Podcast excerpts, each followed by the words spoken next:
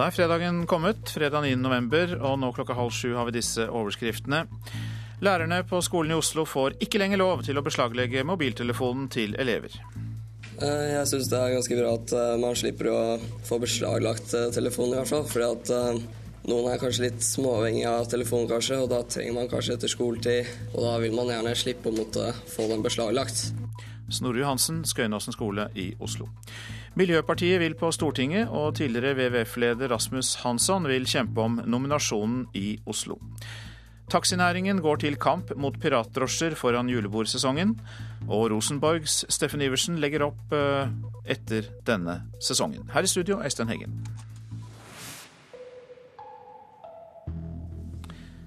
Lærerne på skolen i Oslo får ikke lenger lov til å beslaglegge mobiltelefonene til elever. Det har byrådet vedtatt i det nye reglementet for orden og oppførsel. Det er elevene på Skøyenåsen skole glade for. Hva er det som faktisk eh, gir oss informasjon nok i en tekst til å kunne si noe? Det skal ikke være framme. Alle elevene i 10. klasse på Skøyenåsen skole har mobiltelefon.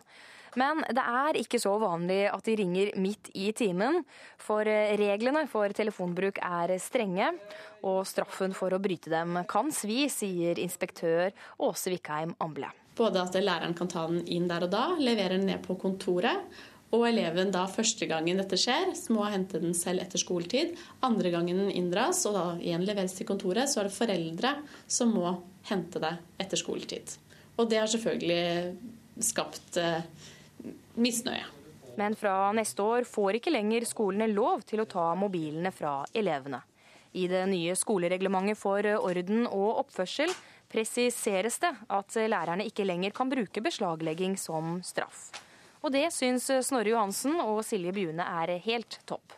Eh, jeg syns det er ganske bra at eh, man slipper å få beslaglagt eh, telefonen, i hvert fall. Fordi at noen er kanskje litt småavhengig av telefonen, kanskje, og da trenger man kanskje etter skoletid og da vil man gjerne slippe å måtte få den beslaglagt.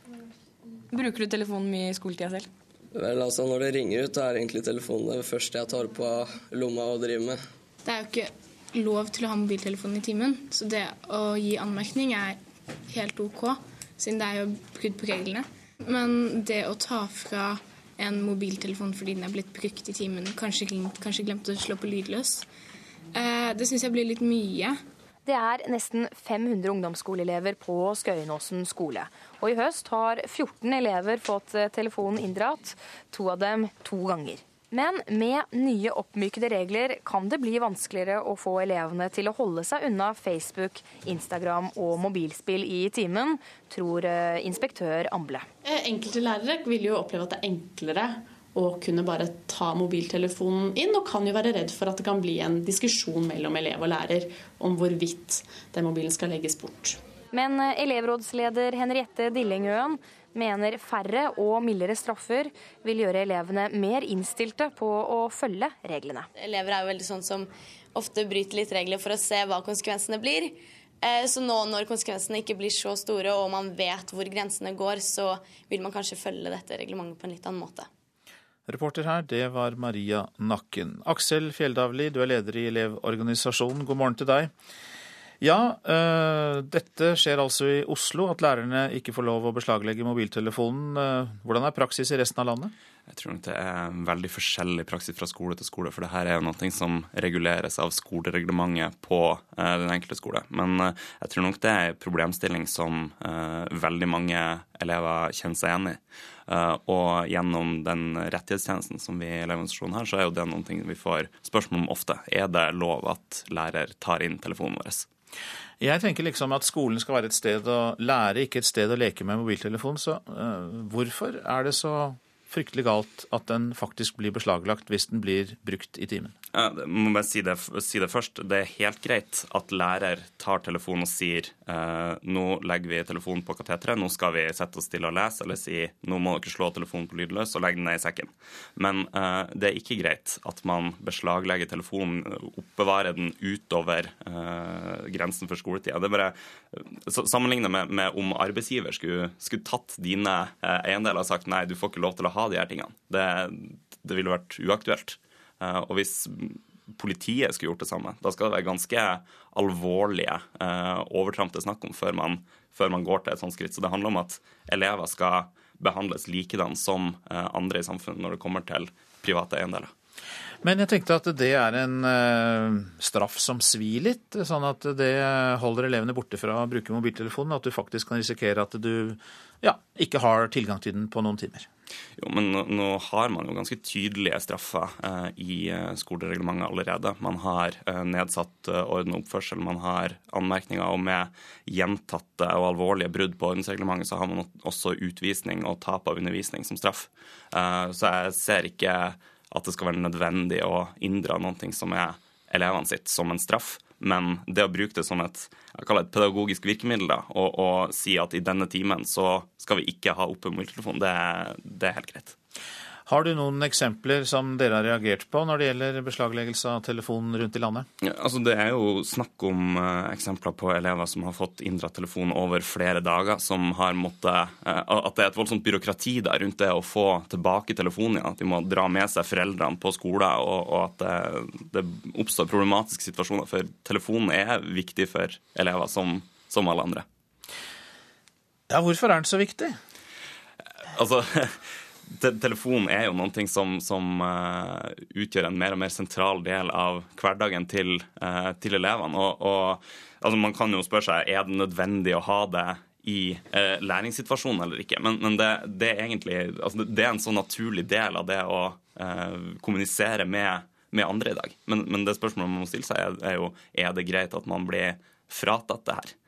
er det greit at man får konfiskert noen ting som er ens eget. Og som jeg dro fram i stad, det, det ville vært helt uaktuelt hvis det var snakk om en arbeidsplass. Mange takk for at du kom til oss tidlig på morgenen. Aksel Fjelldavli, som altså er leder i eh, Elevorganisasjonen. Takk skal du ha. Miljøpartiet De Grønne mener de trenger i overkant av 14 000 stemmer for å erobre en stortingsplass i Oslo neste år. Nominasjonskomiteen har eh, skviset den nasjonale talspersonen Hanna Markussen fra førsteplassen på lista. Tidligere WWF-leder Rasmus Hansson er innstilt på kamp i debuten som partipolitiker, og eh, for å bli nominert øverst, for han vil på Stortinget. Inne en liten krok her, vet du. Rasmus Hansson viser vei til kontoret sitt på et miljøforskningssenter. Han vil til maktens korridorer neste høst. Den tidligere WWF-kjempen vil bli stortingspolitiker for Miljøpartiet De Grønne i Oslo. Eh, vi må omstille hele samfunnet fra en eh, både uansvarlig og også veldig farlig eh, total oljeavhengighet. Og den omstillingen må skje før olja tar slutt. Vi må finne opp det nye, bærekraftige og mye mer mangfoldige Norge. Det er eh, søvndyssende ukritisk til eh, en oljepolitikk og en energipolitikk som vi vet, og en økonomisk politikk som vi vet er i strid med det som alle sier om eh, klimautvikling, om norsk næringsutvikling. Debuten som partipolitiker er kampvotering i nominasjonen. Eh, så bringer jeg noe nytt inn i partiet, nemlig en eh, bredde fra eh, mange års arbeid i norsk forvaltning og i norsk politikk, som gjør at jeg mener jeg kan dra med meg mange nye velgere inn i De grønne partiet. Og det er akkurat det Det grønne partiet skal ha og må få for å bli en politisk kraft i Norge. Mann 58 år mot kvinne 35. Byråkrat, forsker, aktivist mot partibygger og politiker. Helt ny innmeldt mot femårig nasjonaltalsperson. Han står for miljøtroverdighet, hun vil vise bredden i partiprogrammet. Rasmus Hansson, innstilt på topp av nominasjonskomiteen. Hanna Markussen utfordrer. Jeg tror jeg har større politisk bredde. Eh, det handler noe om at selvsagt er jeg og Rasmus Hansson veldig enig i alt som har med klima- og miljøsaker å gjøre. Men grønne partier er jo også bygd på en del andre grunnverdier, som, som styrket lokaldemokrati, sosial rettferdighet og ikke-vold. Eh, som også gjør at vi er, har stått sterkt i saker, andre typer saker, eh, bl.a. digitale rettigheter, som er en viktig sak for oss og for andre grønne partier. Hun stiller ultimatumet om førsteplassen, det gjør ikke han. Jeg syns det er et uh, helt greit prinsipp at den som vinner en kampvotering, uh, havner på førsteplass, og den som uh, taper en kampvotering, havner på andreplass. Målet er å doble oppslutningen fra 2009 til over 14 000 stemmer lokalt. Oslo får to ekstra stortingsmandater neste høst. NRKs beregninger basert på 2009-oppslutningen og ny mandatfordeling viser at rett over 12 000 stemmer kan holde. Sist stortingsvalg fikk De Grønne under 8000 stemmer i hovedstaden. Vi må litt under doble fra hva vi fikk ved kommunevalget i fjor. Eh, det tror vi definitivt er mulig. Eh, medlemsmassen vår vokser hele tiden, og skal vi klare å løfte partiet inn på Stortinget, så er det klart at det er viktig at vi har masse engasjerte medlemmer som står på. Og reporter her, det var Lars Nehru Sand. Den ni år gamle jenta som forsvant på vei til skolen i Gøteborg i går morges, ble funnet i natt. Jenta er sendt til sykehus for undersøkelse, men politiet kan ikke si om hun er påført noen skader. Det er heller ikke kjent ennå hvor hun har vært siden hun forsvant. Så til noe som kanskje ikke er det aller største samfunnsproblemet, men irriterende likevel, nemlig taxikø etter julebord. Lang ventetid gjør det fristende å bruke pirattaxi. Nå settes det inn tiltak mot piratdrosjene i Skien og Porsgrunn. Folk er blide og forstår at det er Noen er litt negative, at vi kanskje bruker litt lang tid, men eh, mange forstår godt at det er, veldig, at det er hektisk. Sjåfør Geir Ole Olsen og alle kollegene hans som kjører taxi i Grenland, har opplevd bråkmakere. For å gjøre ventetida hyggeligere serverer man kaffe og kaker i drosjekøen. Og for at det skal gå raskere, har man vakter som organiserer det hele, forteller Stein Inge Grimsrud i Grenland Taxi. Ja, vi har fått uh, dyktige vakter som går bort og sier hvem er det som skal nordover, hvem er det som skal sørover, hvem skal hit, hvem skal dit. Og så setter de kanskje ukjente folk i samme bil. Nei, i år som i fjor så skal de ha uh, vakter på torvet uh, som står i køen, og prøve å organisere den sånn at vi får samkjørt kunder eh, hjem da, til de forskjellige adressene. Sier Bjørge Yndesdal i Skien Taxi. For jo raskere køen går, jo mindre fristende blir det å bruke pirattaxi. Jeg tror nok det er noe det at man ønsker å komme seg fort hjem. Eh, pirattaxi kan til tider være dyrere. Reporter her, Roald Marker. Da er det avisenes tur. VG først. Anders Behring Breivik mener soningen er beinhard, fornedrende og bryter menneskerettighetene, skriver avisa. Breivik har skrevet et klagebrev på 27 sider om bl.a. ransaking, vekking om natten, bråkete medfanger, kald kaffe, vond penn og manglende kunst på veggene i cella. Petter Stordalen vil slåss med Olav Thon om kjøpesentrene, skriver Aftenposten. Sammen med fire av Norges rikeste menn går Stordalen til storinnkjøp av kjøpesentre. Han har stor tro på vekst i det norske konsumet. Norske selskaper er rasistiske, skriver Dagens Næringsliv. De har seg selv å takke når de sliter med å få tak i folk, sier rekrutteringseksperten Erik Hansen. Han får sjokkerende tilbakemeldinger om at mange norske selskaper ikke vil ansette utlendinger med feil hudfarge. Frykter flere drepte, er Dagsavisens oppslag. Forsker ved Politihøgskolen tror det kan bli flere skyteepisoder med skadde og drepte dersom Politiets Fellesforbund får gjennomslag for at politiet skal bære synlig våpen. Mer om denne saken etter klokka sju her hos oss også. Smarte unger blir oversett, er oppslaget i Stavanger Aftenblad. Senter for atferdsforskning retter søkelyset mot de evnerike barna. Mye mangler for å ta dem på alvor i skole og barnehage, mener forsker.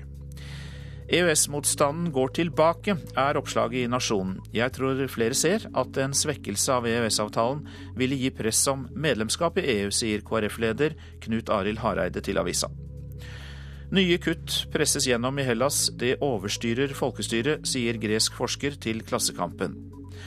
Fyllingsdalen blir ny, skriver Bergensavisen. Der kommer det høyhus, butikker, kulturhus og boliger.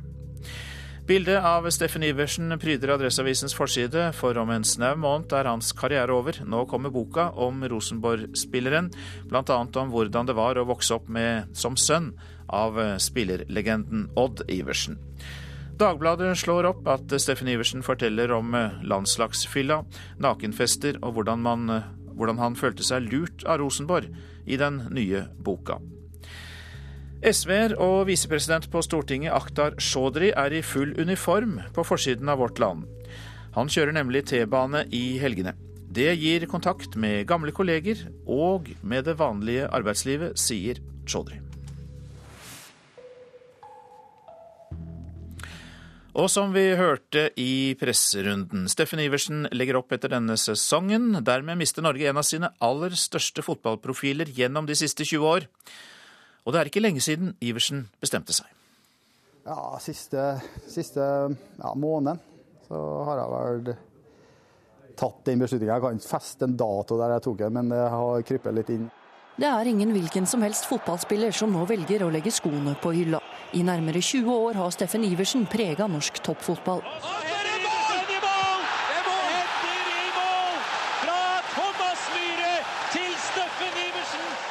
I EM i 2000 var det nettopp Iversen som mot Spania sørga for Norges eneste mål og eneste seier i mesterskapet. 79 kamper og 21 mål på landslaget. Seriemester med Rosenborg fem ganger, seriemester med Vålerenga, engelsk ligacupseier med Tottenham. Merittlista er lang, men nå er det altså snart slutt. Jeg føler at det er litt på tide nå. Det er ting som har tatt litt lang tid i sesongen her, med skader og litt sånne ting. Og merker at det begynner å bli litt tungt å komme tilbake igjen, og sånn, og da er det vel like greit å gi seg. Men det er ikke bare pga. skader at en av Norges mest suksessfulle spillere gjennom tidene velger å gi seg etter sesongen. Litt med familie og litt med at jeg har en del andre muligheter som jeg, som jeg kan gjøre til neste år òg. Så det har en veldig stor del av, av det å gjøre, selvfølgelig. Men nøyaktig hva som venter i framtida er foreløpig usikkert. Ja, det får nå vente og se litt ennå. Det, det, er ikke noe som er fast, fastkalt ennå. Men vi du får vente og se litt, så følg med litt. Fantastisk hodespill av Steffen Iversen. Timer perfekt. Ja, Steffen Iversen legger altså opp. Reporter Vibeke Unnhjem. Dette er Nyhetsmorgen, og klokka den går mot 6.47. Vi har disse hovedsakene. Lærerne på skolen i Oslo får ikke lenger lov til å beslaglegge mobiltelefonen til elever. Tidligere WWF-leder Rasmus Hansson vil kjempe om Oslo-nominasjonen til Miljøpartiet. Og hvordan etterforske tanker som ennå ikke er tenkt. Snart skal vi høre kritikk mot norsk tankepoliti. Byråkrati står i veien for god pasientbehandling, det mener en sykehjemsstyrer i Bergen. Dersom du blir fraktet fra sykehus til sykehjem, er det ikke sikkert at opplysningene om din sykdom følger med deg. Jeg har vært ærlig og jeg god mat og godt stell. Godt stell fra første stund, fordi de ansatte på Store Tveit sykehjem i Bergen visste hva stell Nelly Osland trengte fra det sekundet 92-åringen ble pasient her. Informasjon om medisinering og videre behandling etter lungebetennelsen kom elektronisk fra Haukeland universitetssykehus. Denne informasjonen er livsviktig, sier styrer i Secura. Det er veldig problematisk å ikke ha informasjon om pasienten. Sant? I hvert fall enda mer vanskeligere når de kommer sent på, på dagen, og at vi ikke har noe lege her. Over hele landet tester flere sykehjemmer nå bruken av såkalte elektroniske epikriser. For pasientopplysninger på papir har ved flere høve blitt liggende att på sykehuset når pasienten reiser til sykeheimen. Dermed må ansatte på sykeheimen bruke timer på telefon for å finne ut hva medisinering pasienten skal ha. Mer kommunikasjon via data styrker pasienttryggleiken, mener IKT-direktør i Helse Vest Erik Hansen. Erfaringen er at det hjelper partene til å samhandle bedre.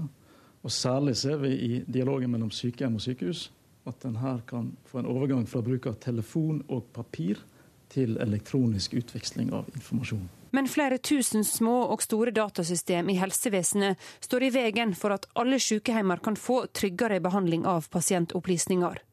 Elektronisk utveksling av informasjon mellom samtlige sykehus og sykehjemmer ligger år fram i tid, sier Hansen. Dette er et omfattende arbeid med mange aktører når det gjelder den tekniske delen. Og det er tusenvis av ansatte som skal bruke løsningen i sykehjem, sykehus og på legekontor. Reporter her, det var Trude Bakke. Føde hjemme er tema nå. For første gang kommer nasjonale retningslinjer for hjemmefødsler. De skal bidra til at alle skal få vite om muligheten, og at de fødende blir godt ivaretatt. Det er jordmor Katrine Trulsvik fornøyd med. Det gir en anerkjennelse til kvinner som ønsker å føde hjemme. Eh, for oss som, som, jobber med hjemmefødsler, så betyr det veldig mye fordi det blir mer eh, allment kjent Hva var det som gjorde at du valgte å føde hjemme? Eh, for meg så har det vel egentlig aldri vært noe spørsmål om at jeg kunne tenke meg noe annet enn å føde hjemme, så lenge helse, helsen min var bra og barnet har det bra i mage. Og for meg så er det ikke noe unaturlig å ha hjemmefødsel, og i veldig mange andre land så er det jo ikke unaturlig. Eh, F.eks. Nederland så er jo det veldig vanlig. Eh, men her i Norge vi, det var jo selvfølgelig De fleste venner og familie syns jo at vi var litt sprø. Men vi har også familie som har hatt hjemmefødsel, og jeg vet at eh, det går kjempebra så lenge du er godt ivaretatt. Siden heimefødsel ikke er en del av det offentlige tilbudet, er det nettopp ivaretakinga Helsedirektoratet nå er opptatt av skal gjelde alle som vil føde hjemme. Det som er viktig, det er jo at fagmiljøene er blitt enige om eh, om hvilke kvinner det er som, eh, som kan relateres til hjemmefødsel, og har gitt noen anbefalinger om det. Ja, forskningsleder Ellen Blix til slutt der. Reporter, eh, det var eh, Jean Kristin Sena. Så skal vi høre at politiet ber om utvidet varetekt for den trusselsiktede islamisten Obaidullah Hussein. I slutten av oktober ble han varetektsfengslet i to uker med brev- og besøks- og medieforbud, siktet for trusler mot to journalister og Det mosaiske trossamfunn. Onsdag denne uka ble siktelsen mot ham utvidet til å omfatte heleri av fem millioner kroner. Hvordan kan man etterforske noe som ennå ikke er tenkt, slik spør advokat Jon Wessel Aas. Forslaget om å gi Politiets sikkerhetstjeneste utvidet tillatelse til å sette inn overvåkningstiltak har skapt debatt. Det er tankepoliti, sier noen, mens PST selv understreker at de bare vil etterforske personer det er grunn til å mistenke. Ingen fare for å bli overvåka, ingen uh, grunn til noe bekymring uh, for det. Uh, så lenge en ikke planlegger eh, og ikke har tenkt å gjennomføre noen voldshandlinger. Forsikrer Jon Fitje, avdelingsleder ved Politiets sikkerhetstjeneste.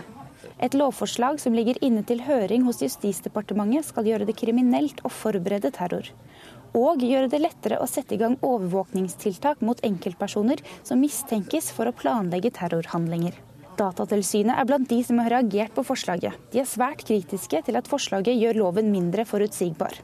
Det mener advokat Jon Wessel Aas også. Forslaget nå går jo ut på å kunne overvåke enkeltpersoner som ikke har noe med noen andre å gjøre, ikke er organiserte, opererer helt for seg selv, før de en gang har begynt å forberede i sitt eget hode og eventuelt gjøre noe i fremtiden.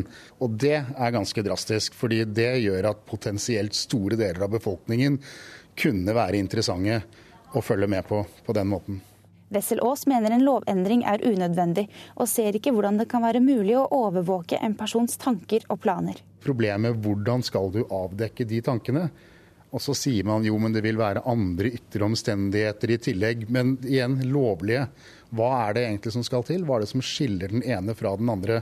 Da blir det ganske vilkårlig. Og det, som du sier, da må man, og selv om man går langt, langt inn i det private, så kommer man jo aldri inn i hodet på en person eh, helt ennå med teknologien vår. Og, og, forutsetningsvis så har man jo ikke kommet lenger enn at man eh, kan ombestemme seg av. I den grad man kunne lese intensjonene i hodet på noen, så er det jo ikke engang da påbegynt noe realisering av de intensjonene. Her er det selvsagt ikke, ikke snakk om å finne ut hva folk tenker. Sier PST og forsikrer at det ikke er snakk om å smuglese folks tanker. Uansett om du er alene eller om du er to eller flere, eh, så må det være konkrete handlinger som, eh, som ligger til grunn for en mistanke om planlegging av terror. Eh, men det er jo et paradoks at det er straffbart å forbu terrorhandlinger hvis du er to, men at det ikke er straffbart å forbu en terrorhandling hvis du er alene. Denne reportasjen var laget av Ina Charlotte Fjellhøy. Samtidskunstneren Victor Lind har kjørt stridsvogn nedover Karl Johan. Han har plassert filosofen Arne Næss i et Guantánamo-bur utenfor Stortinget. Nå kommer han med utstillingen Contemporary Memory, og stiller for første gang ut sine samlede verker om deportasjonen av norske jøder under andre verdenskrig. Det er rett og slett videoen som heter 'Oslo by Night', The Stars, som er et kart av Oslo med stjerner som er plassert nøyaktig på de adressene i Oslo. Det er flere hundre. hvor jødene ble arrestert og ikke kom tilbake.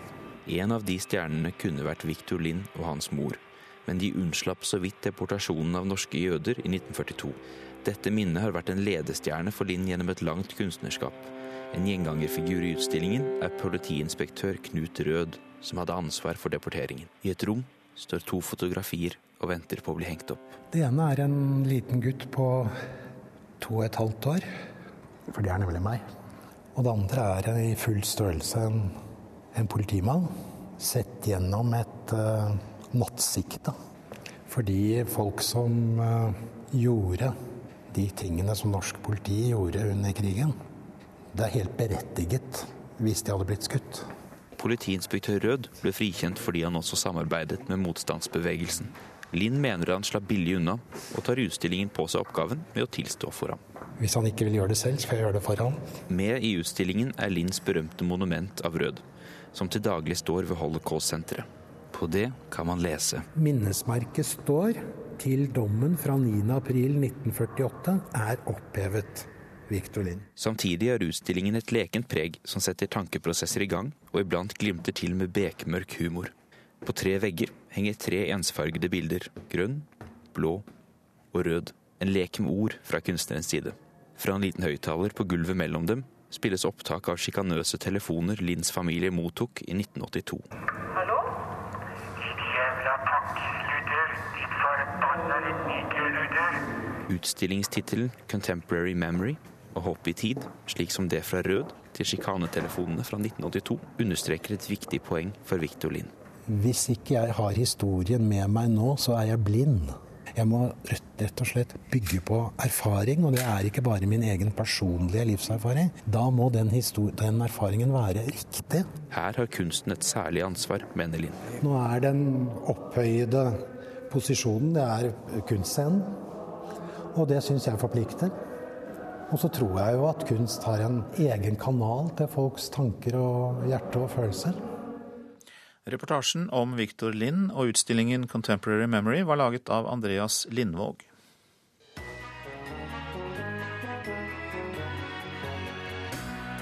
Radioselskapet presenterer Selskapslekene, fredagsquiz på P2. Ukraina, Uganda, Ungarn, Uruguay Fire deltakere møtes til quiz på direkten og kjemper om en splitter ny DAB-radio. Da får vi tippe to. Det er helt fantastisk bra tippet. Gratulerer. Fredager klokka 11. Værvarselet. Fjell i Sør-Norge, oppholdsvær. Fra i formiddag sørlig stiv kuling utsatte steder. Snø først i vest, i kveld regn under 8 til 1000 meter. Østland og Telemark får oppholdsvær. Fra i kveld stiv kuling på kysten. Litt regn i kveld, først i vest. Til å begynne med snø i indre og høyere strøk. Agder får stort sett opphold. Fra i kveld liten kuling på kysten og regn. Vestlandet sør for Stad øking til sørlig sterk kuling på kysten. I ettermiddag blir det liten storm nord for Hordaland. Litt regn, i ettermiddag øker nedbøren, sludd og snø i indre og høyere strøk. Møre og Romsdal og Trøndelag øking til sørøst liten kuling utsatte steder, seinere stiv kuling. Oppholdsvær, utpå dagen mulighet for litt regn og snø i høyden. Nordland får sludd- og snøbyger, men avtagende byggeaktivitet etter hvert. Fra i ettermiddag sørøstlig liten kuling utsatte steder og oppholdsvær. Litt snø på Helgeland kan det bli.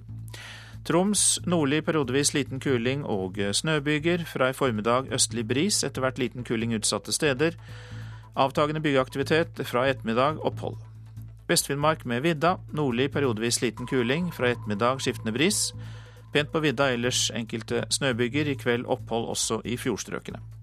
Øst-Finnmark nordvestlig stiv kuling. Snøbyger. I kveld nordvestlig bris. Fortsatt enkelte snøbyger i nord. Nordensjøland på Spitsbergen. Nordlig liten kuling utsatte steder. Oppholdsvær.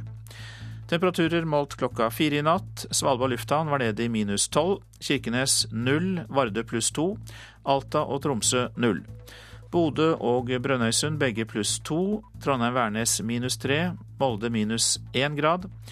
Bergen-Flesland pluss fire. Stavanger pluss seks. Kristiansand-Kjevik to grader. Gardermoen har vi ikke fått inn data på, men vi har Lillehammer minus to. Røros er nede i minus ti. Mens Oslo-Blindern vippet over i plussgrad, nemlig én plussgrad da klokka var fire.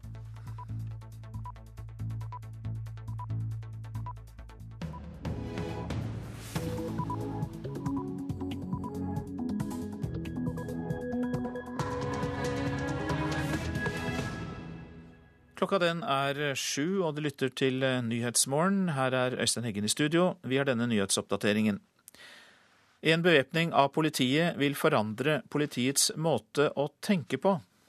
Særlig hvis vi altså kombinerer generell bevæpning med at man også trener mer på den type maktanvendelse, så vil kanskje det prege politiet i den retning av at de går mot eh, det vi kaller politimakt istedenfor polititjeneste.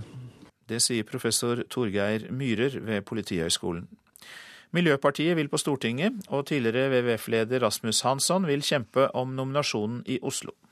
Vi må omstille hele samfunnet fra en eh, både uansvarlig og også veldig farlig eh, total oljeavhengighet. Eh, og den omstillingen må skje før olja tar slutt. Norske avgifter på alkoholfrie drikkevarer har økt med 80% på få år. Og bransjen føler seg melket av Finansdepartementet. Lærerne på skolen i Oslo får ikke lenger lov til å beslaglegge mobiltelefonen til elevene.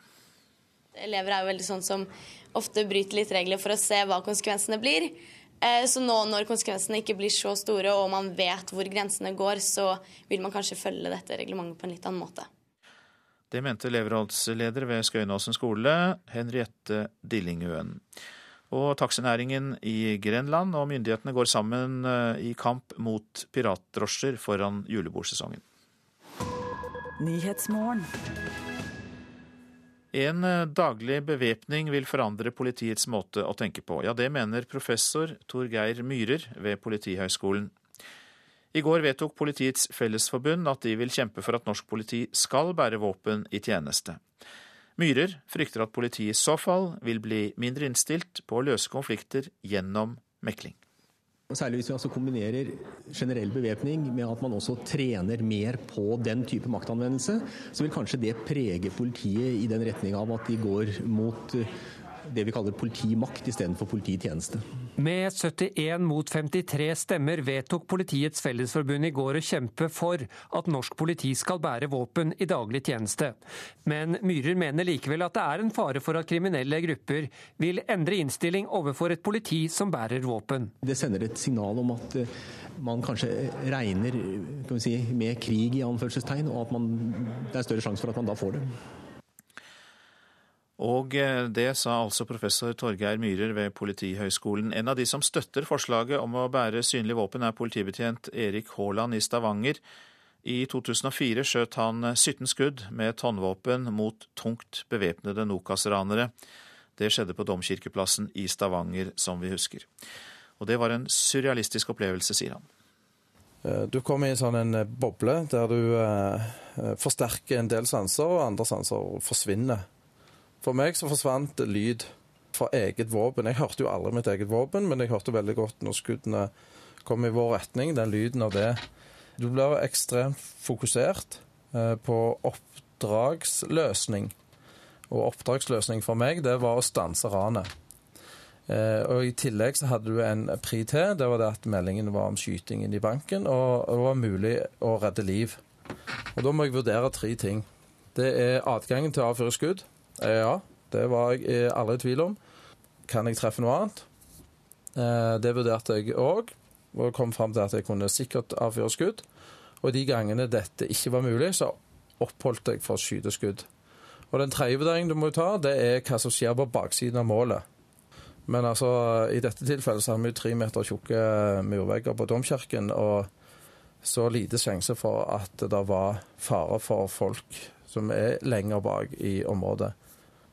Hva, hva, tenker du om at eh, Politiets Fellesforbund eh, nå vil at norsk politi skal kunne bære synlig våpen? Jeg har vært egentlig i alle år motstander av eh, alminnelig bevæpning eller bæring av synlig våpen. Den undersøkelsen som kom, da, som de fleste kollegaer har vel svart på, den var litt lite nyansert. Det var sånn svart-hvitt, svart-hvitt, svart-hvitt på, på, svarene. Da. Men jeg endte vel opp på at jeg, jeg eh, støtta en, en, eh, en, synlig bevæpning, en vanlig bevæpning på tjenestemenn. Og ikke minst pga. en del kolleger i Oslo som har skrevet om en, en, del episoder. Betyr det at du tenker deg at uh, synlig våpen kan innføres i hele landet og, og, og ganske raskt? Nei, det kan det ikke. Det vil uh, må lagt uh, en helt uh, nye retningslinjer av, av, hvor i landet det skal være. Og ikke minst på hva trening og kompetanse de tjenestemenn og -kvinner som skal gå bevæpna, skal ha. Og ved siden av spesialavdelinger så bør det helt klart være tenkt gjennom nøye kriterier for hvem som skal ha våpen. Ja, hva, hva, hva er farene her? Nei, faren er det at uh, er ikke det at våpen blir brukt for mye, men jeg er redd for at det vil bli en falsk trygghet. Og at eh, hvis det er personer som ikke ønsker å gå med våpen, dette vil bli helt nytt for de fleste kollegaer. så jeg tror at dette skal vi ta skritt for skritt. Ja, hvor bør man begynne hen? Nei, altså Det er jo de store byene og bysentrene som en helt klart må begynne med plasser der har, eh, har best bemanning, og eh, mener jeg er viktig å begynne med. Et, et, annet argument er jo det at uh, et væpnet politi fører til at de kriminelle også væpner seg mer og oftere. Hva tenker du om det? Nei, Det er en passé, fullstendig passé holdning. Hvis det er noen fortsatt der ute som tror at de kriminelle som ønsker våpen, ikke har våpen, så må ta en realitetssjekk. Eh, de har tilgang til våpen så det rekker å holde. Det har ingenting med politiets eh, bevæpning å gjøre i det hele tatt. Det sa politibetjent eh, Erik Haaland i Stavanger. Og den som hadde laget disse innslagene om væpnet politi, var Tom Ingebrigtsen. Det kinesiske kommunistpartiets partikongress fortsetter i dag. Der skal de utpeke ny ledelse for partiet, og eh, i realiteten også da for landet. Den politiske kursen for de neste fem år skal også stakes ut. Asia-korrespondent Anders Magnus, du er med oss fra Beijing. Hva skjer konkret på partikongressen de nærmeste timene? Nå skal de ha gruppediskusjoner. Hver eh, delegasjon fra eh, den enkelte provins samles i en egen eh, liten hall i dette svære bygget som heter Folkets store hall. Og så skal de diskutere den talen som Hu Jintao, partilederen, holdt i går. Eh, og her gjelder det selvfølgelig å ikke si noe galt, men skryte av den flotte talen og den kloke partilederen. Så mye opposisjon blir det nok ikke i de nærmeste timene og dagene. Så du tror ikke det er oppfordring til eh, sterk kritisk tenkning på dette gruppearbeidet, Anders Magnus? Sterk kritisk tenkning eh, i partiet er det sjelden oppfordring til. Er, eh, her skal man lytte og lære, slik en av delegatene sa til oss i går. Eh, og høre på hva de kloke lederne på toppen av partiet forteller dem. Det blir jo en total utskiftning av toppledelsen i Kina, og hva kan det bety for resten av verden? Det vet vi ikke enda, fordi eh, den eh, nye lederen som vi antar eh, skal bli partisekretær når Kongressen er over på torsdag i, uke, i denne uken, han Nei, unnskyld, neste uke. Han vet vi ikke så mye om enda, Og om han står for en liberal eller konservativ politikk, det er, er det også uklart for eh, både kinesere og resten av verden.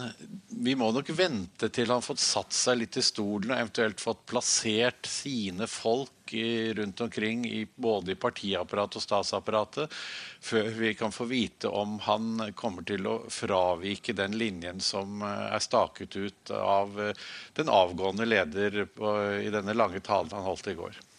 Partiet og staten har jo en uh, annen rolle, i hvert fall mye sterkere rolle i Kina enn i vestlige land. Hvor annerledes må vi tenke for å forstå det som skjer under partikongressen? Ja, vi må tenke mer sånn som vi tenkte om Russland eh, da det fortsatt var eh, Eller Sovjetunionen da det fortsatt var kommunistisk. At eh, det er en helt annen logikk som, som rår. Det, først, altså det aller viktigste er å bevare partiets makt. Det er høyeste prioritet. Og så er det å bringe fram et sterkt Kina.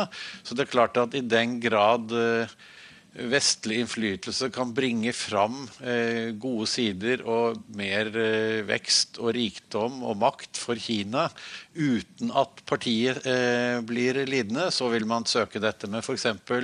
Å, å, å ta fatt i eh, vestlige politiske modeller, det advarte eh, parti, den avgående partileder Hu Jintao sterkt imot i sin tale. Her skal man beholde rødfargen, som han sa, og ikke gå inn på noe som helst uh, type vestlig demokrati. Men markedsøkonomi attåt? Ja. Markedsøkonomi men begrenset. fordi eh, i Kina er det jo ikke eh, en fri kapitalisme slik man har i Vesten. Det er jo statsstyrt kapitalisme, og det er de store statseide selskapene som dominerer fullstendig. Og de har jo tilgang på kapital på en helt annen måte enn i Vesten. De, er, de har så å si eh, fritt spillerom inn i bankene og statskassen. Så, så det er styrt det, det næringslivet er også styrt direkte fra kommunistpartiet. Eh, så også her må man tenke helt annerledes. Og i, hvert stort selskap, også utenlandske bedrifter, så er det en partikomité som er, kanskje er viktigere for eh, retningen og styringen av bedriften enn eh, bedriftens styre, slik vi er vant med i Vesten.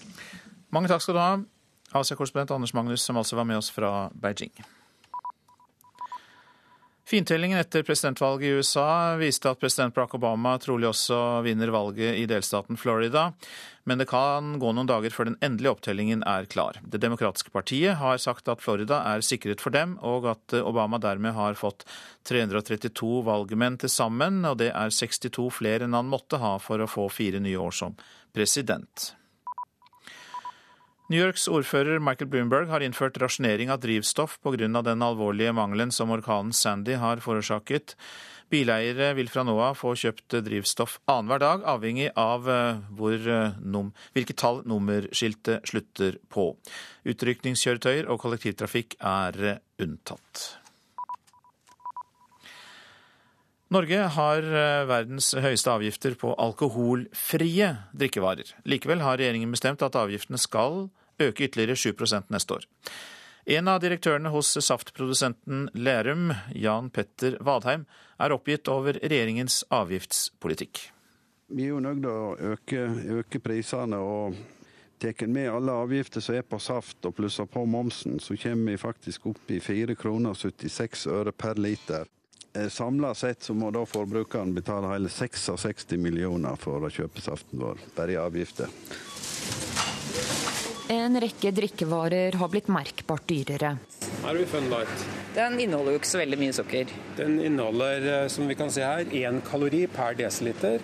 Høyt sukkerinnhold var en viktig begrunnelse da regjeringen kom med sine kraftige avgiftshopp på saft, nektar og brus, forteller Roald Gulbrandsen, direktør i NHO mat og drikke. Hvis man skal se dette ut fra et helseperspektiv, eh, hvor, hvorfor har man da valgt å konstruere avgiften på den måten man har gjort? Nå er vi oppe i over 80% avgiftsøkning på få år. Eh, og vi er redd for at dette får betydning for arbeidsplassene og utviklingen av det framover. I Finansdepartementet er det en del av jobben å finne nye kreative måter å hente inn penger til statskassa på. Statssekretær i Finansdepartementet Roger Skjerva fra SV sier kampen mot sukkeret er en viktig begrunnelse, men statens ønske om økte inntekter er like viktig. Denne avgiftsøkningen vil være til eh, byrde for de som rammes av den. Eh, men så er det mange andre som vil eh, få glede av at vi har redusert avgiftene med over 900 millioner på andre områder i samfunnet. Sånn er det når man legger fram et skatte- og avgiftsopplegg. Industrien sier selv at det er mange små produsenter som har blitt rammet av dette her. fordi jo mindre du er, jo mer rammer egentlig denne, disse avgiftsøkningene. Det at en uskyldig tredjepart her rammes, det er man ikke så opptatt av i Finansdepartementet. Altså, Vi kaller ikke det å innkreve skatter og avgifter som uskyldige tredjeparter som rammes. Vi kaller det å bidra til det store fellesskapet som eh, det norske samfunnet er. Tine og de andre meieriene er ikke rammet av avgiftene. Jan Petter Vadheim i Lerum mener saftprodusentene også burde fått unntak. Tine og landbrukssamvirket er ganske sterke i forhold til påvirkning. Vi blir litt små i den sammenhengen. Men eh, hadde ikke likebehandling her vært en idé? Det syns jo selvsagt vi, og det er ikke noe gode argument for at det skal være forskjell på melk og produkter laga av frukt og bær. Veit ikke om noen eh, drikkeprodukter eh, som har hatt så stor avgiftsøkning som saft. NRK har vært i kontakt med en rekke aktører i drikkevarebransjen. Alle spør seg hvorfor Tine har unntak fra den såkalte produktavgiften. I tillegg har meieriene unntak fra grunnavgiften på emballasje. Ifølge Finansdepartementet finnes ingen offisiell begrunnelse for dette unntaket. Og det var Line Tomter som orienterte oss om dette. Du lytter til Nyhetsmorgen. Klokka har akkurat passert kvart over sju. Vi har disse hovedsakene. Professor ved Politihøgskolen frykter at politiet vil bli mindre innstilt på å løse konflikter gjennom megling dersom de bevæpner seg. Lærerne på skolen i Oslo får ikke lenger lov til å beslaglegge mobiltelefonene til elevene. Byråkrati og gammeldags IT-system står i veien for god pasientbehandling, mener sykehjemsbestyrer. Nå til Bilbao i Baskeland. Der strømmer tusenvis av unge til en gigantisk jobbmesse denne uka. Samtidig kommer det nye dystre tall. Fra september til oktober økte ledigheten med nesten 3% Dermed er det registrert 4,8 millioner mennesker uten arbeid i Spania. Og Arbeidsløsheten blant ungdom er på over 50 Det er trangt mellom boder og disker på messen i Bilbao, helt nord i Spania. Her kan ungdom få hjelp og råd på veien inn i et blytungt jobbmarked. Ledigheten i Baskaland økte med 18% det siste året.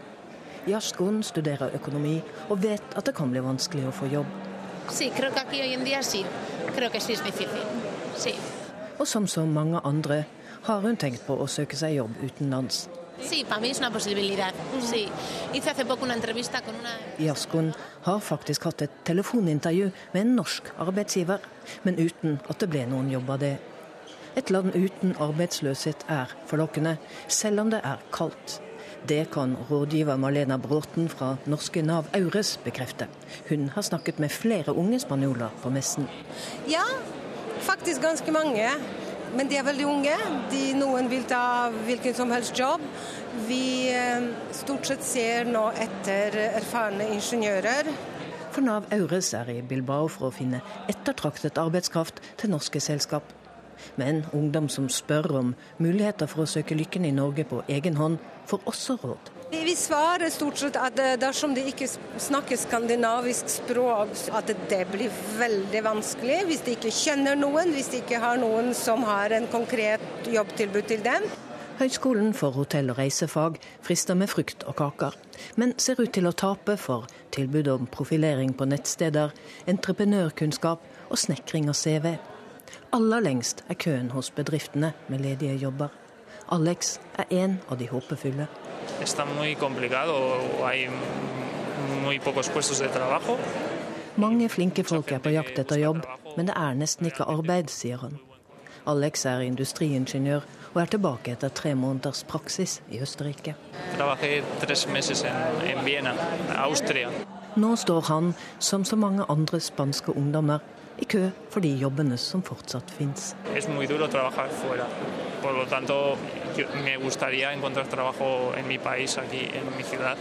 Han syns det var tøft å jobbe i utlandet, langt hjemmefra. Nå vil han jobbe i Spania. Men hvis det ikke går, så prøver han i utlandet igjen. Helst i Tyskland.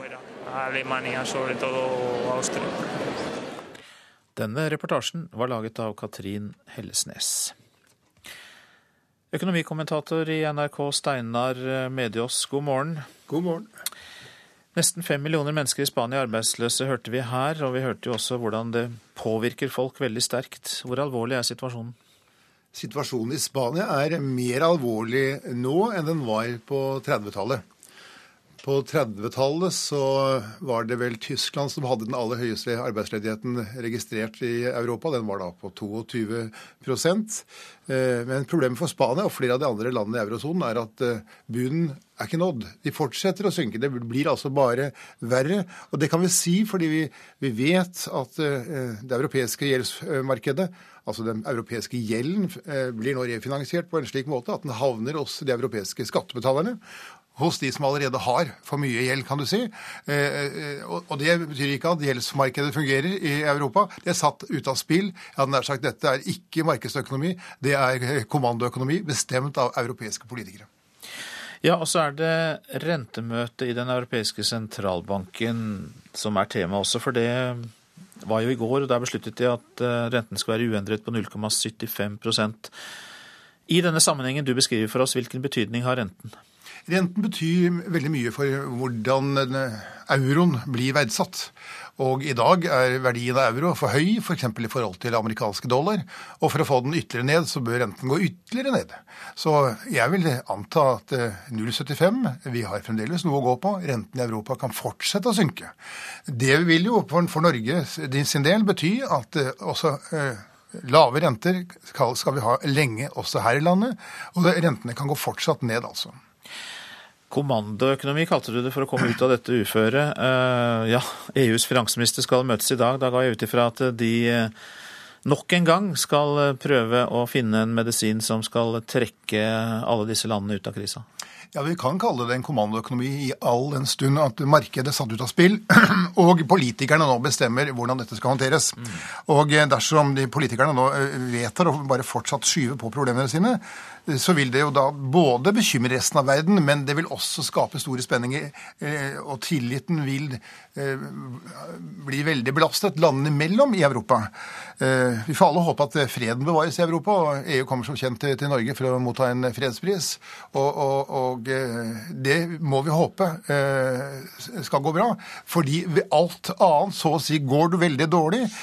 Velferdsstaten i Europa den forvitrer, lønningene faller, pensjonene smelter bort, eh, og, og, og, og, gjelden bare øker. Hvis du tar Hellas som et eksempel, så nærmer Hellas seg nå en gjeldsgrad i forhold til bruttonasjonalprodukt på 190% Det er avsindig mye gjeld. Hvis de fortsetter dagens sparepolitikk, så vil de 2020 ha en gjeld på 120% av bruttonasjonalproduktet. Det er fremdeles en altfor stor gjeld. Så man skyver på problemet, mens eh, eh, det bare egentlig øker i omfang. Betyr eh, amerikansk økonomi noe? Betyr det noe det gjenvalget vi hadde der av presidenten? Definitivt betyr USA veldig mye. Eh, USA er verdens største økonomi, og vi får virkelig håpe at de, kan dra det hele i gang. Eh, USA har hjulpet Europa før. Etter annen verdenskrig så var det de som på mange måter fikk hjulene i gang for, for europeerne. Denne gangen så er gjeldsgraden i USA større enn den var etter krisen på 30-tallet.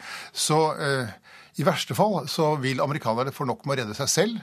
Eh, og det kan være at vi ser en type politikk nå som gjør at eh, problemene i Europa bare øker i omfang. F.eks. et proteksjonistisk eh, handelssystem i USA vil jo da utestenge europeiske varer i større grad enn nå. Og dessuten så, så, så er altså som sagt euroen litt for dyr i forhold til dollar stadig. Mange takk skal du ha, økonomikommentator her i NRK, Steinar Medios.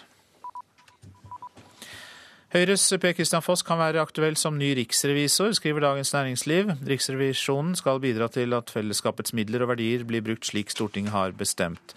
Per Christian Foss vil ikke kommentere saken.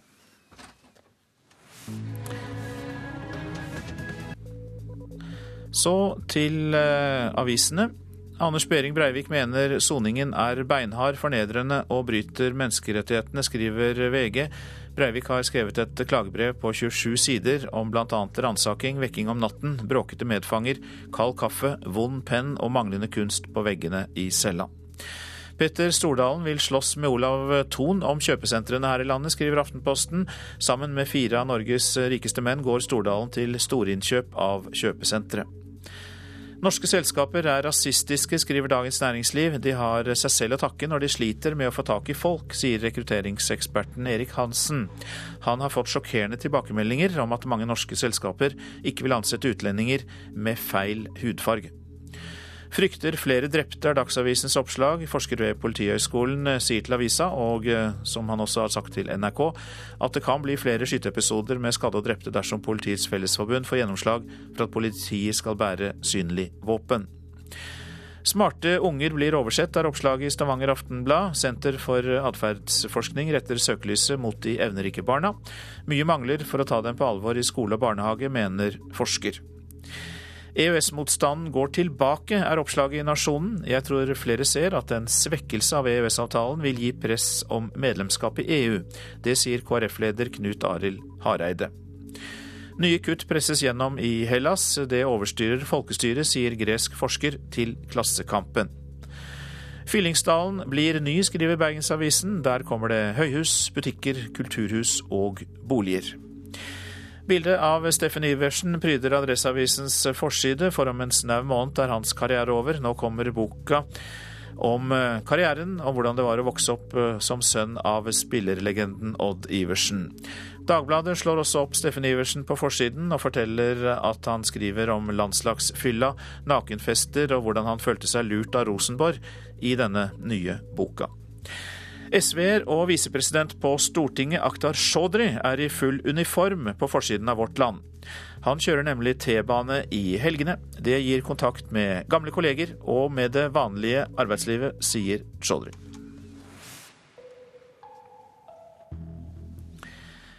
Julebord og fyll gjør november til, eh, og desember til travle måneder for politiet. I mange deler av landet går eh, politiet med en minimumsbemanning, og i Salten-politiet kan de ikke sette inn ekstra ressurser, selv om de ville gjøre det. Jeg syns ikke vi har så mye å være bekymret over, egentlig. Vi er ganske så forberedt. Vi er på restauranten Paviljongen i Bodø.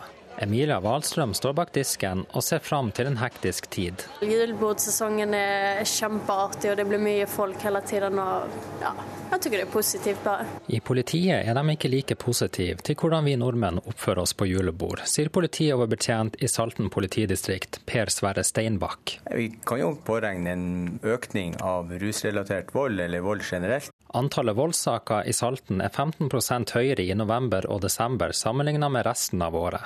Det er 5% høyere enn landsgjennomsnittet. Og det er miksen av mer folk på byen og alkoholinntak som får skylda. Det er mer eh, folk ute på byen. Eh, det nok, konsumeres nok mer alkohol også ute på byen. Og kanskje av folk som normalt ikke går ut på byen eh, i disse månedene. På gata i Bodø har folk et blanda syn på hvordan vi nordmenn oppfører oss på julebord. Ja, det er en hyggelig tradisjon alt som er innenfor måtelig hold, så er det jo eh, veldig greit, syns jeg. Jeg syns julebordtradisjonen er grei, men eh, det utarter kanskje litt med litt for mye innabords. Helt forferdelig. jeg har ikke noe mer å si om det. Forferdelig eller ikke, folk kan ikke forvente mer politi i gatene. Det sier Robin Johnsen, som er hovedtillitsvalgt hos politiet i Salten. Der sliter de allerede med lav bemanning. Vi opererer etter noen begreper som vi kaller for minstebemanning, som er minste forsvarlig av det politiet sjøl mener eh, vi kan sette ut i de ulike helgene og periodene. Og vi har ingen andre ressurser som kan eh, settes ut eh, for sånne tilfeller hvor det kreves mer. I hvert fall ikke sånn over tid. Med lite tilgjengelig politi må man tenke alternativt. Steinbakk mener politiet må forebygge og samarbeide med utestedene og dem som frakter folk hjem fra byen. Vi har uh, mye møter med dem og vi har mye samtaler. og Vi har funnet ut at vi kan ikke sitte på hver sitt nes og løse problemene. Dette må vi gjøre sammen. I tillegg så har vi også en dialog med, med taxinæringa. Når de har køordnere rundt julebordstida, så er det kjempepreventivt mot vold. Steinbakk peker også på tidligere tiltak som er satt inn for å gjøre utelivet tryggere. Blant annet så er det blitt pålagt å være dørvakter på mange av utestedene. Eh, alle disse er sjekka på vandel, og at eh, vi har ikke kriminelle dørvakter lenger. Det tror vi er en medvirkende årsak. Mellom 2008 og 2011 sank antallet voldssaker i julebordsmånedene med en tredel, og samarbeidet så ut til å ha gitt resultater. Men så langt i år er volden i Salten tilbake på 2008-nivå. Robin Johnsen ber julebordsgjestene i Salten og resten av landet ta det med ro. Det handler jo om å oppføre seg på en sånn måte som man er edru, og tenke litt ekstra over hva man eh, dytter inn. Reporter var Emil Innsetviken. Europas største jødiske museum åpnet i Moskva i går. Mer om det i reportasjen etter Dagsnytt. Debatt om EØS og Miljøpartiets ambisjoner foran stortingsvalget neste år er temaer i Politisk kvarter. Produsent for Nyhetsmorgen i dag, Elin Pettersen. Her i studio, Øystein Heggen. Vi venter på Dagsnytt.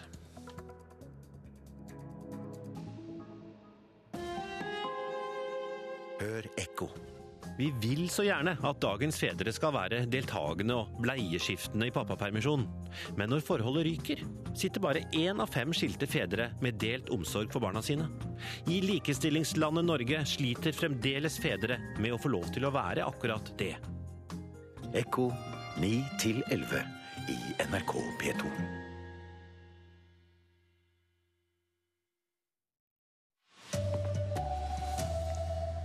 Politiet kan ty til makt oftere dersom de bærer våpen hver dag, det frykter professor. Savnet niåring i Gøteborg ble funnet med en fremmed mann i natt. Det er uklart om hun er skadet. Og Steffen Iversen legger fotballskoene på hylla. Det begynner å bli litt tungt å komme tilbake igjen, og, sånn, og da er det like greit å gi seg. Her er NRK Dagsnytt, klokka er 7.30. En daglig bevæpning vil forandre politiets måte å tenke på. Det mener professor Torgeir Myhrer ved Politihøgskolen. I går vedtok Politiets Fellesforbund at de vil kjempe for at norsk politi skal bære våpen i tjenesten.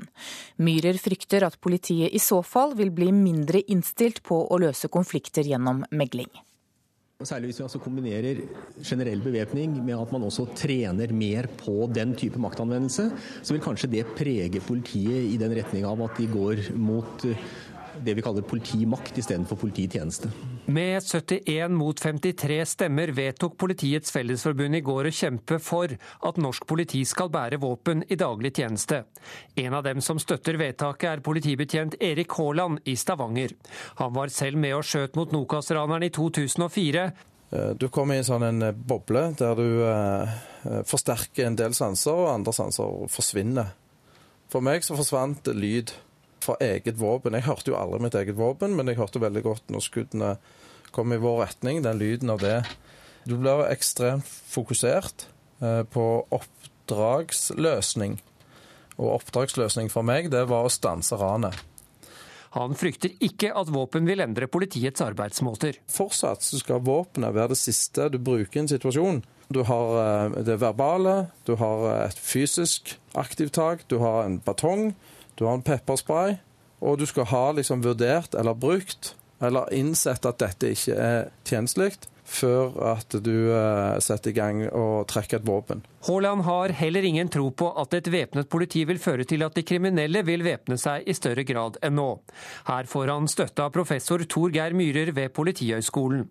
Men Myhrer mener likevel at det er en fare for at kriminelle grupper vil endre innstilling overfor et politi som bærer våpen. Det sender et signal om at eh, man kanskje regner si, med krig i anførselstegn, og at man, det er større sjanse for at man da får det. Reporter var Tom Ingebrigtsen. Politiet ber i dag om at islamisten Ubaydullah Hussain blir sittende i varetekt i fire uker til, det skriver Aftenposten. Hussain er siktet for å ha truet to journalister og Det mosaiske trossamfunn. Han er også siktet for helleri av inntil fem millioner kroner. Fengslingsmøtet starter i Oslo tingrett litt over ni. Den ni år gamle jenta som forsvant på vei til skolen i Gøteborg i Sverige i går morges, ble funnet i natt.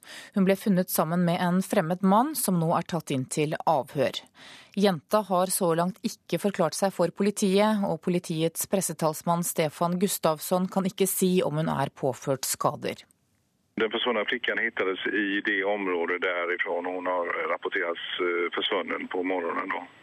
Hon är vid liv, men eh, vi har eh, då eh, naturligtvis gett henne möjlighet att komma till sjukhus för en undersökning. Vi håller på för närvarande och samla in information kring hennes tid då som har varit borta. Och som sagt var, vi får då vänta till vi med säkerhet kan säga vad som har hänt. Men vi har en inledd förundersökning och vi ska ju naturligtvis titta på det också. Men det här är en flicka på 10 år, 9-10 år och hon får man närma sig med försiktighet efter en sån här händelse. Så vi skal prate med henne, men det her kan man ikke gå snabbt fram helt enkelt. Det sa Stefan Gustavsson i politiet til Sveriges Radio. En mann i 20-årsalderen er tatt inn til avhør, og politiet etterforsker dette som en mulig bortføringssak. Saft og brus blir dyrere neste år. Norge har verdens høyeste avgifter på alkoholfrie drikkevarer. Likevel har regjeringen bestemt at avgiftene skal øke ytterligere 7% Og direktør Jan Petter Vadheim hos saftprodusenten Lerum er oppgitt. Vi er jo nødt til å øke, øke prisene. og Tar med alle avgifter som er på saft og plusser på momsen, så kommer vi faktisk opp i 4 kroner 76 øre per liter. Eh, Samla sett så må da forbrukeren betale hele 66 millioner for å kjøpe saften vår, bare i avgifter. En rekke drikkevarer har blitt merkbart dyrere. Her har vi Fun Light. Den inneholder jo ikke så veldig mye sukker. Den inneholder, eh, som vi kan se her, én kalori per desiliter. Høyt sukkerinnhold var en viktig begrunnelse da regjeringen kom med sine kraftige avgiftshopp på saft, nektar og brus, forteller Roald Gulbrandsen, direktør i NHO mat og drikke. Hvis man skal se dette ut fra et helseperspektiv, eh, hvor, hvorfor har man da valgt å konstruere avgiften på den måten man har gjort? Nå er vi oppe i over 80% avgiftsøkning på få år. Eh, og vi er redd for at dette får betydning for arbeidsplassene og utviklingen av det framover. Statssekretær i Finansdepartementet Roger Skjerva fra SV sier kampen mot sukkeret er en viktig begrunnelse, men statens ønske om økte inntekter er like viktig. Denne avgiftsøkningen vil være til eh, byrde for de som rammes av den. Eh, men så er det mange andre som vil eh, få glede av at vi har redusert avgiftene med over 900 millioner på andre områder i samfunnet. Sånn er det når man legger fram et skatte- og avgiftsopplegg. Tine og de andre meieriene er ikke rammet av avgiftene. Jan Petter Vadheim i Lerum mener saftprodusentene også burde fått unntak. Tine og landbrukssamvirket er ganske sterke i forhold til påvirkning. Vi blir litt små i den sammenhengen. Reporter her var Line Tomter.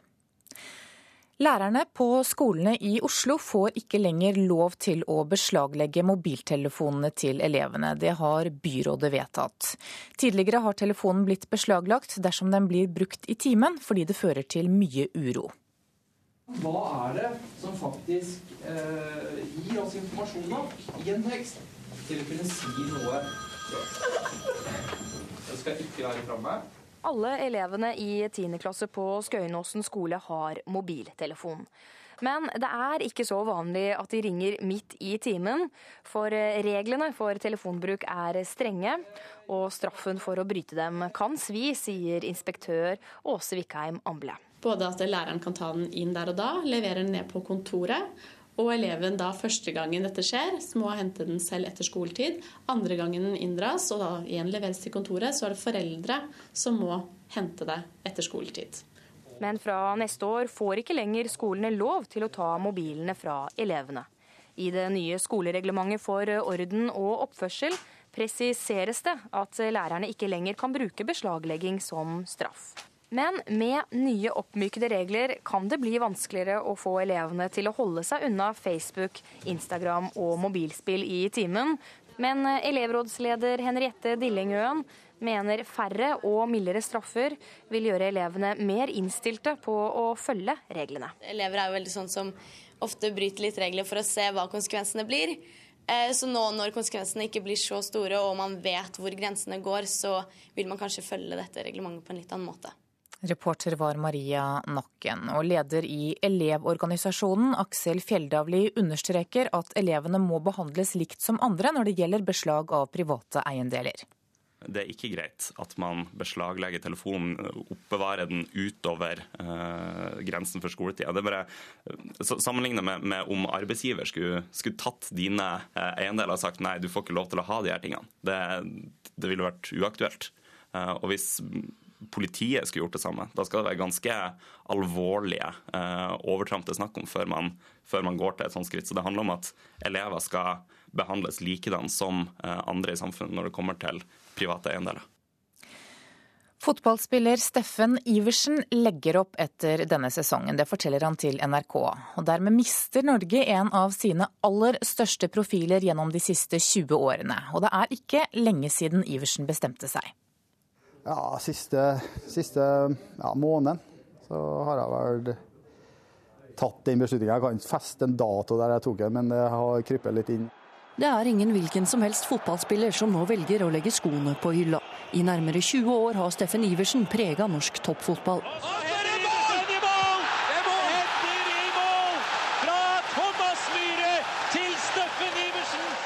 I EM i 2000 var det nettopp Iversen som mot Spania sørga for Norges eneste mål og eneste seier i mesterskapet. 79 kamper og 21 mål på landslaget. Seriemester med Rosenborg fem ganger, seriemester med Vålerenga, engelsk ligacupseier med Tottenham. Merittlista er lang, men nå er det altså snart slutt. Jeg føler at det er litt på tide nå. Det er ting som har tatt litt lang tid i sesongen her, med skader og litt sånne ting, og merker at det begynner å bli litt tungt å komme tilbake igjen, og sånn, og da er det vel like greit å gi seg. Reporter her var Vibeke Unnhjem. Ansvarlig for denne sendingen var Bjørn Christian Jacobsen, teknisk ansvarlig Per Ivar Nordahl og her i studio Anne Jetlund Hansen.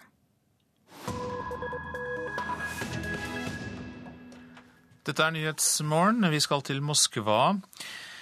Der var Israels president Shimon Peres med å åpne Europas største jødiske museum i går. President Putin kaller det toleransens museum og et bidrag i kampen mot rasisme og nasjonalisme. בישראל חיים כיום למעלה ממיליון דוברי רוסית. Israel har over én million jøder fra Russland i dag, sa Shimon Peres på hebraisk ved åpningen av det store jødiske museet i Moskva. Jeg er overveldet av følelser, sa Peres. Israels president sa det hadde vært mange gode stunder i de jødisk-russiske forbindelser. Fremst står naturligvis Sovjetets støtte til opprettelsen av staten Israel i 1948 i FN. Men bare fem år etter planla Josef Stalin nye utrensninger ved å brennmerke de jødiske leger som dominerte helseteamet rundt Kreml, og anklaget dem for konspirasjon. Dette kunne lett ha ført til nye jødeforfølgelser hvis ikke tyrannen hadde dødd 5.3.1953. I sovjetsamfunnet sa man at jødene bar sin etnisitet med maske pga. jødehatet som levde lenge før kommunistene tok makten. Tsarens innenriksminister grev Ignatjev satte i gang slike pogromer på 1880-tallet at jødene flyktet hals over hode fra Russland, også til Norge, og da særlig til Trondheim. Helt til Mikhail Gorbatsjov kom til makten her i Moskva i 1985, brodde en giftig offisiell antisemittisme under dekke av antisionisme i sovjetsamfunnet. Jødehatet råder og vil lenge råde i den slaviske verden. Derfor var det viktige ord president Vladimir Putin sa til Israels president Shimon Peres, vinner av Nobels fredspris pga. Oslo-prosessen for nesten 20 år siden etter åpningen av det jødiske museet her i Moskva nå. Вы принимаете участие в открытии Музея толерантности и мемориального центра еврейского. Это еще один наш общий вклад в борьбу с ксенофобией, i dag deltok de i åpningen av et toleransens museum, som det jødiske minnesenteret jo er.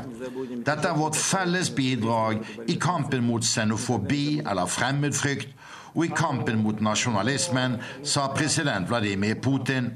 Nettopp fremmedfrykten som er forordet til rasismen, kan rive hele Russland i filler, har president Putin flere ganger sagt, og gjentok under samtalene med Shimon Peres. De to diskuterte også krisen i Syria.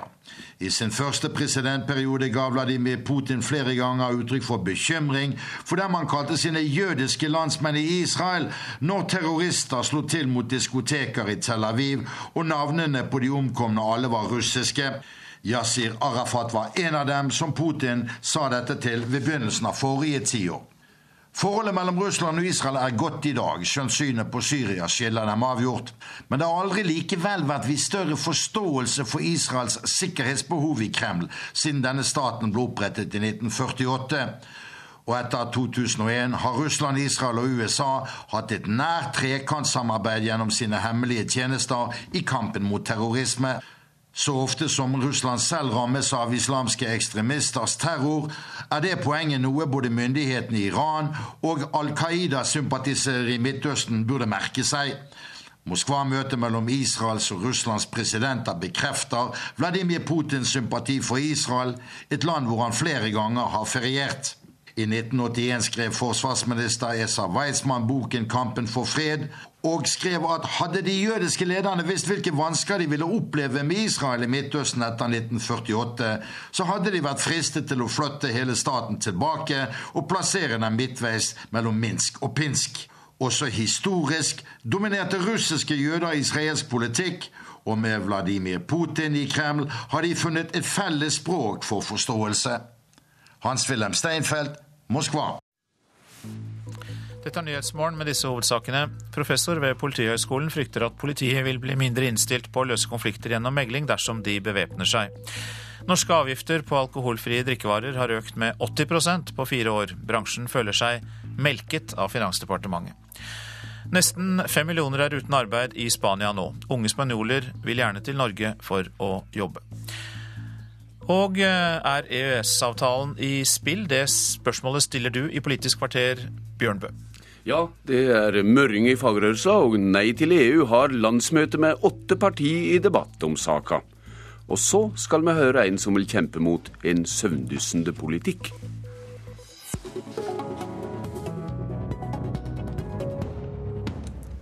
Motstand mot EØS står i sentrum når Nei til EU holder landsmøte på Hamar i dag, med brei politisk debatt om saka.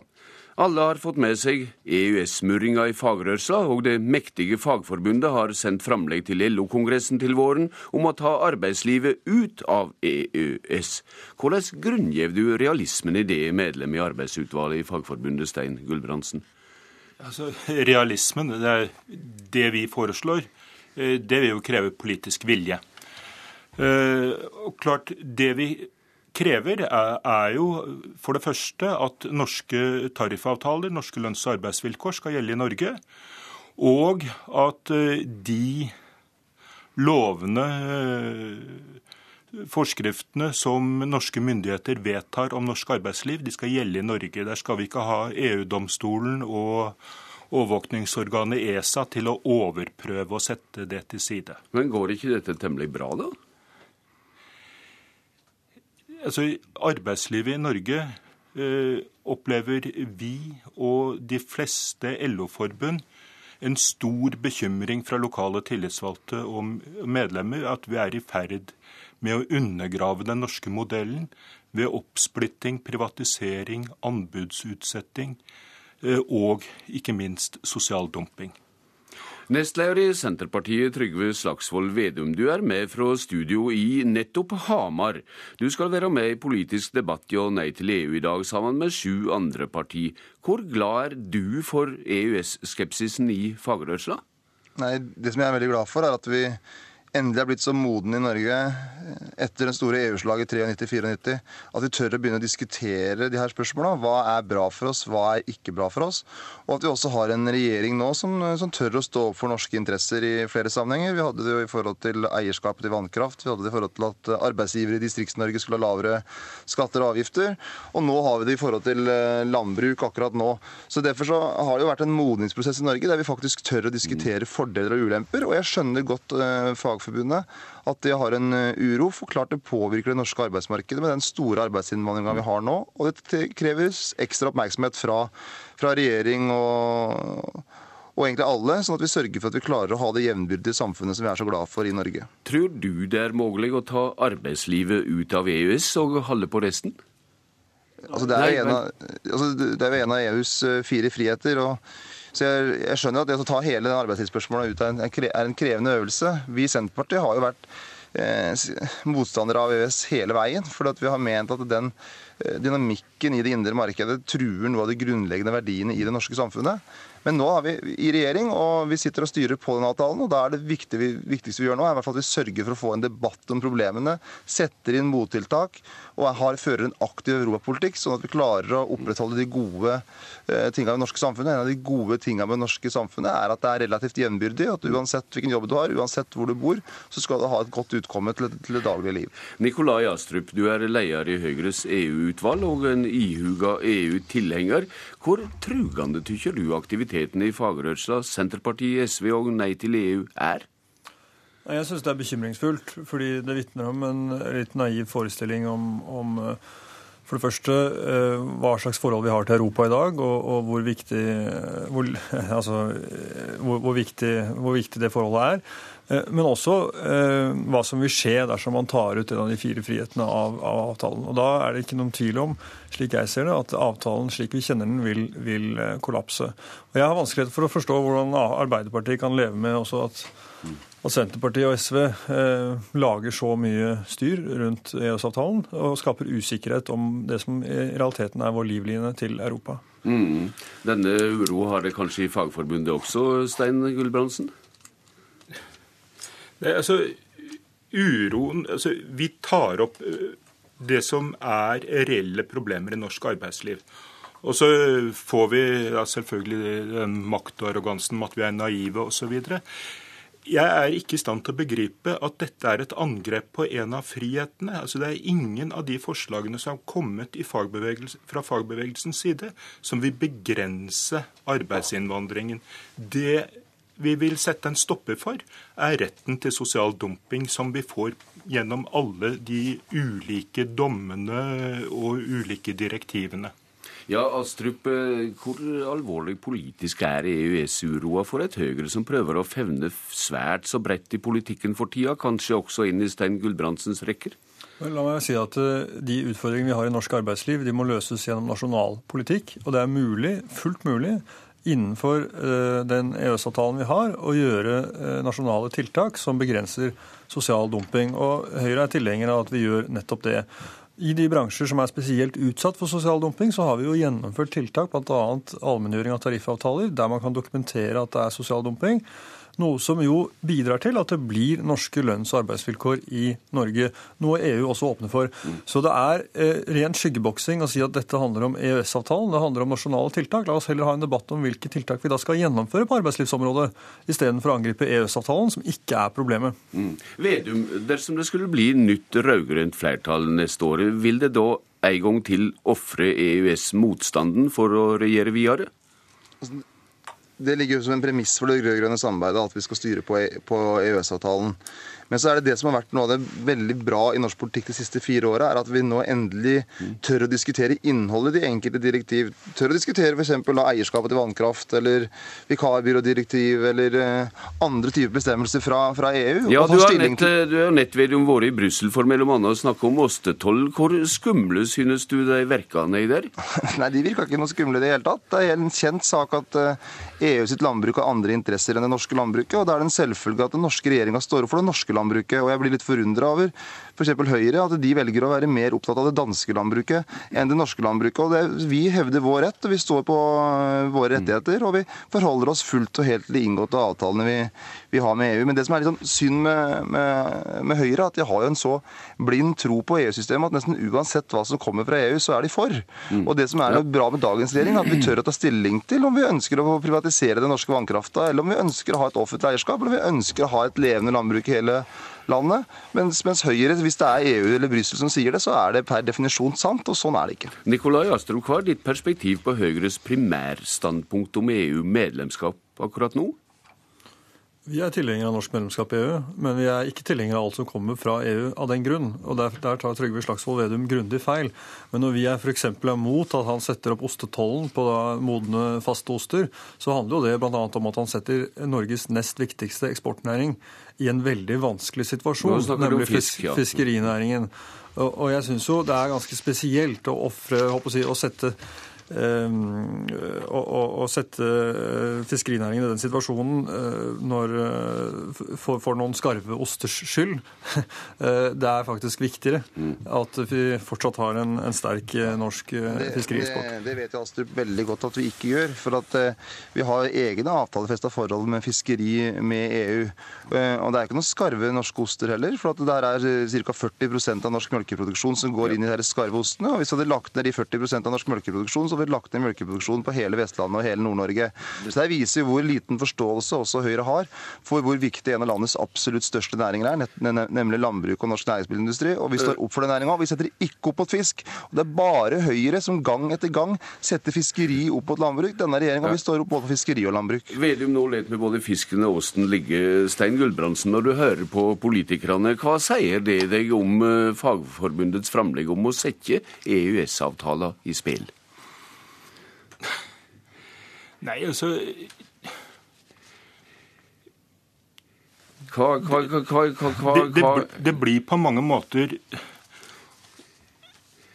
Det kom en påstand som ikke har rot i, i vårt vedtak. Og når Astrup her sier at det, Høyre også er for å diskutere hvordan vi skal sikre at eh, norske lønns- og arbeidsvilkår skal gjelde i Norge, at eh, norsk lovgivning skal gjelde i Norge, så er jo det reelt sett innholdet i vedtaket vårt på arbeidslivsspørsmål. Sånn at når de påstår at vi setter i spill, så er det på en måte et forsøk på å avspore og ikke ta opp den debatten vi vil. Altså, det er klart den sosiale dumpinga den er jo en type profittmaksimering for, eh, for det, det ikke helt ryddige delen av norsk arbeidsliv. Leser du Fagforbundet som faen leser Bibelen, Astrup? Nei, det gjør jeg ikke. Men det er altså mange forbund som har vært ute sammen med Nei til EU og sagt at man må reforhandle EØS-avtalen med sikte på å ta ut arbeidslivskapitlet. Det vil ha store konsekvenser for vårt forhold til Europa. Det er det ingen tvil om. Så mener jeg at det er et blindspor, fordi vi kan altså løse de utfordringene som er i norsk arbeidsliv gjennom nasjonale tiltak. Det er ingenting i EØS-avtalen i dag som hindrer oss i å gjennomføre nasjonale tiltak som sikrer at vi har nasjonale at norske eh, lønns- og arbeidsvilkår gjelder i Norge. Eh, og Dermed så mener jeg at dette egentlig handler om noe helt annet. En kamp mot selve EØS-avtalen. Og Nei til EU har vært veldig klare på at de ønsker å nedkjempe EØS-avtalen direktiv for direktiv. Mm. Og det er den strategien vi ser nå. Og Sylkort Vedum til slutt, den kampen vil du fremdeles være med på? Ja, Vi er veldig tydelig når det er direktiver som vi er imot. Så tør vi å si nei til det, for vi er opptatt av å se hva er i norske interesser. og F.eks. var det ikke norske interesser å privatisere vannkrafta. og Derfor så sa vi nei til en sånn privatisering. Og vi fikk gjennomslag gjennom målrettet arbeid, for vi er ikke så nesegrus i beundring av Brussel som Høyre. norsk vannkraft, så det er så, Da sier vi at debatten går videre på Hamar jo nei til EU senere i dag. Takk til dykk, Nikolai Astrup, Trygve Slagsvold Vedum og Stein Gulbrandsen.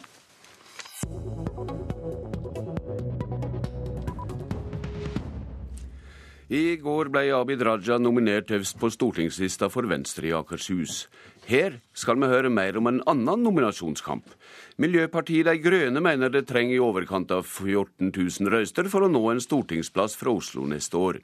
Nominasjonskomiteen har vraka den nasjonale talspersonen Hanna Markussen fra førsteplass på lista. Tidligere WWF-leder Rasmus Hansson er innstilt, og er også innstilt på kamp i debuten som partipolitiker. Han vil på Stortinget neste høst. Inne en liten krok her, du. Rasmus Hansson viser vei til kontoret sitt på et miljøforskningssenter. Han vil til maktens korridorer neste høst. Den tidligere WWF-kjempen vil bli stortingspolitiker for Miljøpartiet De Grønne i Oslo. Eh, vi må omstille hele samfunnet fra en eh, både uansvarlig og også veldig farlig eh, total oljeavhengighet. Og den omstillingen må skje før olja tar slutt. Vi må finne opp det nye, bærekraftige og mye mer mangfoldige Norge.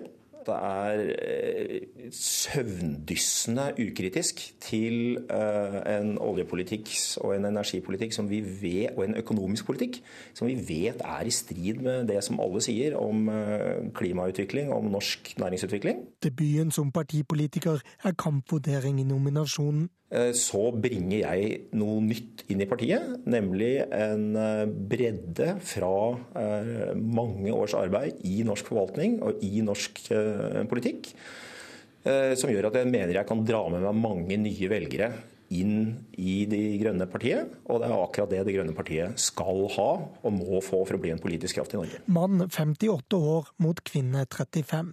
Byråkrat, forsker, aktivist mot partibygger og politiker.